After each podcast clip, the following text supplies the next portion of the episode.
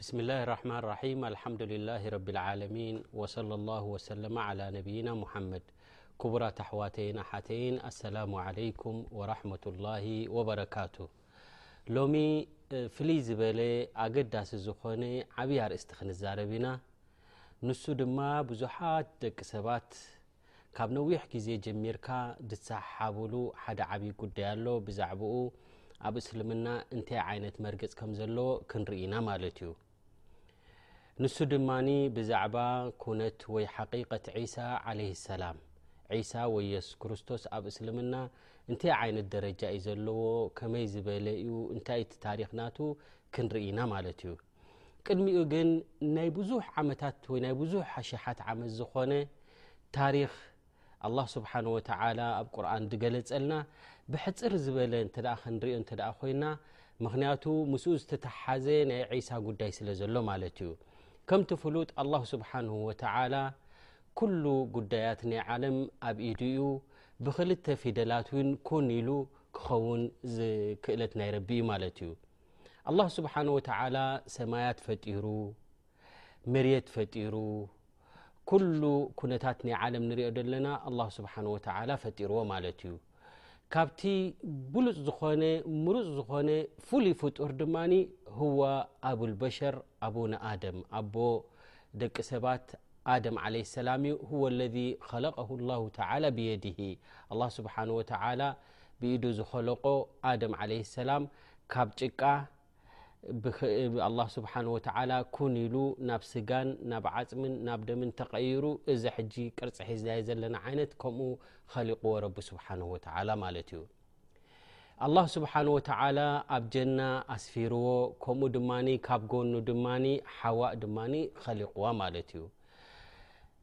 ክልቲኦም ኣብ ጀና ኣብ ኒዕማ ኣብ ሽሻይን ኣብ ሰላምን ራህዋን ቅሳነትን ዘለዎ እናነበሩ እንከለዉ ኣላህ ስብሓን ወተዓላ ንኣደም ምስ ኸለቆ እንታይ ገይሩ ማለት ኣዚዝዎም ንመላእካ ኩላቶም ንክሰግድሉ ኩሎም ሰጊዶምሉ ሓደ ካብ ፍጡራት ኣይሰግድን ኢሉ ንሱ ድማ ሸይጣን እዩ ምክንያቱ ኢሉ ኣነ ካብኡ ድበልጽ እየ ንዓይ ክትፈጥረኒ ከለኻ ካብ ሓዊ ኢኻ ፈጢርካኒ ኣደም ግን ክትፈጥሮ ከለኻ ካብ ጭቃ እዩ ተፈጢሩ ስለዚ ኣነ ካብ ሓዊ ዝተፈጠርኩስ ንጭቃ ዝተፈጥረስ ከመይ ኢለ ዝሰግደሉ ኢሉ ትዕቢት ሒዝዎ ማለት እዩ ኣይሰግድን እየ ኢሉ ካብ ራሕማ ናይ ረቢ ካብ ርህራሃይ ናይ ረቢ ድማ ወፅዩ ማለት እዩ መልዑን ኮይኑ ኣደም ዓለ ሰላም ኣብዚ ጀና እዚ ኣብ ኩሉ ኒዕማታት እናተጋላበጠ እንከሎ ሓንቲ ክፍሊ ነራ ወይ ሓንቲ ገረብ ነራ ካብዚኣ ከይትበልዕ ተባሂሉ ተኸልኪሉ ማለት እዩ ካብዚ ኩሉ እዚ መፂኡ ሸይጣን ብዙሕ ግዜ ተቃሊሱ ተቃሊሱ ካብዛ ቆፅሪ እዚኣ እንተ በሊዕካ ነባሪን ወራሲን ናይዝኾነ ናይዚ ጀና እዚ ክትከውን ኢኻ እናበለ ከም ዝበልዕ ገይርዎ ኣብዛ ጌጋ እዚኣ ወዲቑ ማለት እዩ ካብኡ መቕጻዕቲ ናቱ ኣላ ስብሓን ወተዓላ ናብ መሬት ኣውሪድዎ በቲ ዝፈጸሞ በደል ግን ኣደም ዓለ ሰላም ምስ ሓዋእ ኮይኖም ረበና ዘለምና ኣንፍሰና ንሕና ዓሚፅና ኢና ነፍስና ተጋጊና ኢና እቲ ኣይተቕረብዎ ዝተባሃልናዮ በሊዕና ኣለና እሞ መሓረና ምስ ኢሎም ናብ ረቢ ስብሓን ወተላ ምስ ሓተቱ ኣላ ስብሓን ወተዓላ ንዝለመኖ ሰማዓይ ስለ ዝኾነ ኣላ ስብሓን ወተላ ምሕርዎ ማለት እዩ ኣብዚ ኣብቂዑ ኣደም ዓለ ሰላም ኣብ መሬት ወሪዱ ማለት እዩ ኣደም ዓለ ሰላም ኣብ መሬት ወሪዱ ክነብር እንከሎ ኣላሁ ስብሓን ወተላ ሓደ ትእዛዝ ኣመሓላሊፍሎ ማለት እዩ ንዓኻ ይኹን ናትካ ዘርኢ ካባኻ ወፂኦም ድባዝሑ ብድሕሪኻ ዝመፁን ኣብ ዝተፈላለየ ግዜ መጻሕፍቲ ከውርድ እየ ኣብ ዝተፈላለየ ግዜ ድማ ነብያት ክልእኽ እየ በቲ መንገዲ ናይ ነብያት ዝተጓዓዘ ሰብ ድማ ናብዛ ጀና እዚኣ ወፂኹማ ዘለኹም ክትምለሱ ኢኹም ካብቲ መንገዲ እቲ ዝወፀ ድማ ኣብ ኣዱንያ ቅሳነትን ራህዋን ዘይብሉ ወላ ክነብር እዩ ናይ ውሽጣዊ ስምዒቱ ማለት እዩ ወላ እኮ ናይ ግዳሙ ገለገለ ረቢ ስብሓን ወተዓላ ዝፀሓፈሎም ርዝቅታቶም እንተኾነ ብምቾት እንተሓለፉ ኣብቲ ካልኣይ ዓለም ግን ኣብ ጀሃንም ከም ዝኣትዉ ረቢ ስብሓን ወተዓላ ኣብሪሁልና ማለት እዩ ከምዚ ኢሉ ግዜ ሓሊፉ ግዜ እንዳተተክእ እንከሎ ኣላህ ስብሓን ወተዓላ ኣብ ዝተፈላለየ ግዜ ነቢያት ይልእኽ ነይሩ ማለት እዩ ወላሁ ስብሓን ወተላ ኣየደ ስብሓን ወተላ ኣንብያ ወልሙርሰሊን ብልኣያት ኣልሙዕጅዛት ወልበይናት ልባሂራት ምእንትን ደቂ ሰባት ንኸኣምኑ እዞም መፂኦም ዘለዉ ነቢያት እዚኣቶም ትክክል ምዃኖም ንክኣምኑ ድማ ዓቕሚ ወይ ሰብ ዘይክእሎ ድማ ክሰርሑ ወይ ድማ የርእዎም ነሮም ንደቂ ሰባት ማለት እዩ ነዚ ኩነት እዚ ክርኢ ከለዉ ድማ ደቂ ሰባት ድማ ተንበርኪኾም ሕራ ኢሎም ድማ ይቕበሉ ነይሮም ማለት እዮም መጀመርያ እቶም ዝለኣኹ ልኡኻት ፅፉፋት ምሩፃት ኣብነት ዝኾኑ ንደቂ ሰባት እዩ ረቢ ስብሓን ወተላ ዝልእኮም ወላዊን እኮ ብዙሕ ተኣምራት ን እተዘይርኣዩ በቲ ዝነበሮም ኣካይዶምን በቲ ዝነበሮም ኩነትን እቲ ሰብ ውን ቀልጢፉ ይኣምኖም ነይሩ ንብዙሓት ድማ ይነፅግዎም ነይሮም ነዚ ንኸይነፅግዎም ድማ ፅባሕ ንግሆ ድማ ኣብ ቅድሚ ረቢ ምስ ቀረቡ ጎይታና ዘይፈለጥና ኮይና ኢና ሓሰውቲ መሲሎምና ኢሎም ወይ ውን ዝኾነ ምክንያት ንኸየቕርቡ ድማ ኣላ ዘ ወጀል ካነ ዩኣይድሁም ብልሙዕጅዛት እዚ ክበሃል ዘይከኣል ካብ ዓቕሚ ሰብ ንላዕሊ ዝኾነ ተኣምራት ድማ ረቢ ስብሓን ወተዓላ ገይሩ ይድግፎም ነይሩ ማለት እዩ ሓደ ካብቶም ነብያት ሙሩፅ ብሉፅ ዝኾኑ ድማ ህዋ ዒሳ ዓለ ሰላም ልክዕ ከምቶም ዝሓለፉ ኣሕዋቱ ነብያት ድማ ንሱ ውን ብዙሕ ተኣምራት ድማ ተዓዲሉን ተዋሂቡን እዩ ማለት እዩ ዒሳ ዓለ ሰላም ገለገለ ነጥብታት ኣሎ ፍልይ ዘብሎ ማለት እዩ እዎ ነብያት ሙዕጅዛታት ተዋሂቦም እዮም ንሱ እውን ሙዕጅዛ ተዋሂቡ እዩ ኩነታት ናቱ ገለ ቁርብ ፍልይ ዝብላ ነገራት ኣለዋ ንሱ እንታይ እንት ኢልካ መጀመርያ ዒሳ ዓለይሂ ሰላም ካብ ሰላሳን ሰለስተን ዓመት ንላዕሊ ብዙሕ ኣይጸ ኣብዚ እዩ ኣብቂዑ እቲ ዕድመ ናቱ ማለት እዩ ኣብኡ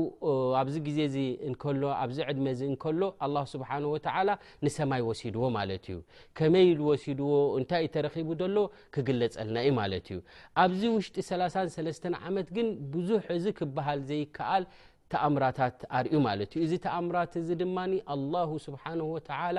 ንዑ ብሓቂ ከም ዝለኣኾን ባርኡ ምዃኑን መረጋገፂ ማለት እዩ ኣላሁ ዘ ወጀል ኣብ ሱረት በራ ኣብ ሱረት ዕምራን ኣብ ሱረት መርም ብዛዕቡ ብዙሕ ተጠቂሱልና ኣሎ ማለት እዩ ወ ኣላ ዘ ወጀል እንታይ ይብል ወኣተይና ዒሳ ብነ መርየመ በይናት ንዒሳ ብኒ መርየም ስኒ ብዙሕ በይናት ደላኢል ሙዕጅዛት ጌርና ደጊፍናዮ ኢና ሂብናዮ ኢና ይብል ረቡና ዘ ወጀል ማለት እዩ እዚ ሙዕጅዛት እዚ ዒሳ ዘካየዶ ወይ ኣብ ኢድ ዒሳ ዝተካየደ ድማ ካብ ኣላህ ስብሓን ወተላ ምዃኑ እውን ረቢ ስብሓ ተላ ደጋጊሙ ገሊጹልና ማለት እዩ ምክንያቱ ላዩን ሰብ እዚ ሓይሊ እዚ እዚ ክእለት እዚ ናብ ሓደ ድኹም ዝኾነ ፍጡር ናቱ ክእለት እዩ ክንብሎ ኣይንኽእልንና ኢላ ናይቲ ኩሉ ክእለታት ኣብ ኢዱ ዝኾነ ጎይታ ተዘይኮይኑ ማለት እዩ ዒሳ ዓለ ሰላም ፍልይ ዘብሎ ነገር እንተሃለዎ እንታይ እንቲ ኢልና ኣልከላም ባዕዳ ውላደት ሙባሸራ ወፊ ልማህድ ኣብ ማህዲ እንከሎ ማለት ገና ዕሸል እንከሎ ገና ቆልዓ እንከሎ ኣብ ደይ ቆልዑት ዕድመ ናይ ቆልዓ ደይ ይዛረበሉ ግዜ ሽዑ ተወሊዱ ተሓቂፉ ምስ መፀ ኣብዚ ግዜ እዚ ተዛሪቡ ማለት እዩ ሓደ ዚ ፍልይ ዘብሎ ማለት እዩ ከምኡ ድማ ኸልቁ ጠይር ሚን ጢን ካብ ጭቃ ድማ ጭቃ ቅርፂ ግብር ኣቢሉ ድማ ስራሕ ኣቢሉ ያላ ብረር እንድሕር ኢልዎ ድማ በሪሩ ድማ ይኸይድ ነይሩ ማለት እዩ እዚ ነይርዎ ኢብራ ኣልኣክማህ ወልኣብረስ ሽፋእ መርዳ ማለት እዩ ልጉም ኣፉ ደይዛርብ ዝነበረ ብስሚላ ኢሉ ንኽእ ከብሎ ከሎ ዱዓ ክገብረሉ ከሎ ከምኡ ድማ ለምፂ ዝሓዞም ሰባት ድማ ነዚኣቶም ድማ የሕውዮም ነይሩ ማለት እዩ ካብዚ ዝዓቢ ደቂ እስራኤል ብጣዕሚ ከበድቲ ሰባት እዮም እዚ ኩሉ ምስ ሓዊ ንደቂ ሰባት ኣምፅኦሞ ዘለዉ ተሰቒሉ ዩ ኣብ መቓብር ተቐቢሩ ድሕሪ ሰለስተ መዓልቲ ተኸፊቱ እዚ ኩሉ እዚ ኣእትዮሞ ዘለዉ ፍልስፍና እዚ ኣይሁዳውያን እዮም ማለት እዮም ኣይሁዳውያን ናይ ብሓቂ ንደቂ ወይ ንነብያት ደሸግሩ ዝነበሩ እዮም ስለዚ ናይ ብሓቂ ልኡኽ እንተ ኮይንካ ስኒ እስከ ዝሞተ ሰብ ኣተሲኡ ኢሎሞ ዱዓ ገይሩ ድማ እሕያ እልመውታ ዝሞተ ሰብ ድማ ኣተሲኡ ብእዝኒ ላህ ማለት እዩ ከምኡ ውን ዒሳ ዓለ ሰላም እኽባሩ ናስ ብማ ያእኩሉን ወማ የደኪሩና ፊ ብዩትህም ኣብ ገዝኦም እንታይ ኣቐሚጦም ኣለዉ እንታይ እንታይ ኣለዎም ስንቅታት ከምኡ ድማ ፅባሕ እንታይ እዮም ክበልዑ ድሓር ሕጂ ምስኡ ሎ ሰብ ሕጂ ከድካ ከምዚ ክትበልዕ ካብሎ ከምቲ ዝበሎ ድማ ይርከብ ማለት እዩ ካልእ እቶም ሓዋርይን ዝበሃሉ ክቐትልዎ ምስ ደለዩ ንዒሳ ንሕና ናትካ ደገፍቲ ኢና ንሕና ኣስላም ኢና መስሊምና ኢና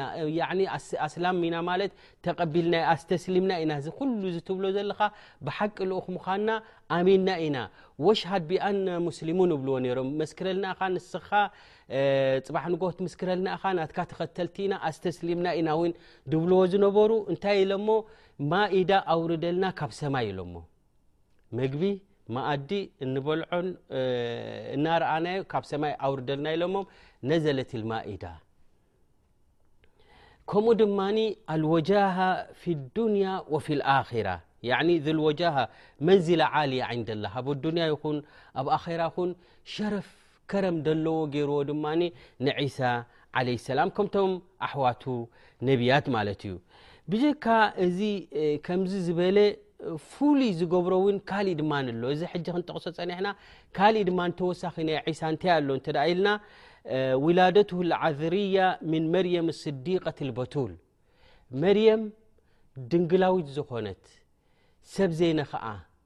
ዘይቀረባ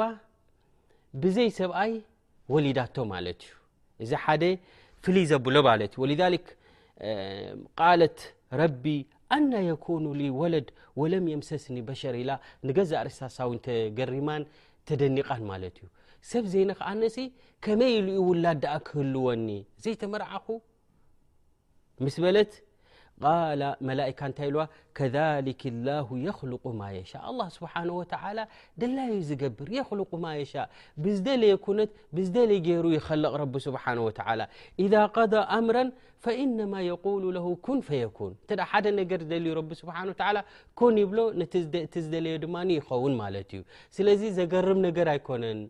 ንስኺ ኣስለን ኩሉ ሰብ ካበይ ዩ መፅኡ ካብ ዘይነበረ ካብ ዘይህሉ እኮ እዩ ሕጂ ግን ካብዛ ዘለኺ ካባኺ ውላድ ክውለድ እዩ ኢሉ መላእካ ኣበሽርዋ ማለት እዩ እዚ ሓደ ካብ ማለት በቱል ድንግል ዝኾነት ካብኣ ተወሊዱ ማለት እዩ ካልኣይ ድማ ረፍዑሁ ኢለ ላ ሓየን ብህወቱ እንከሎ ኣላሁ ዘ ወጀል ኣንጃሁ ምና ልቀትል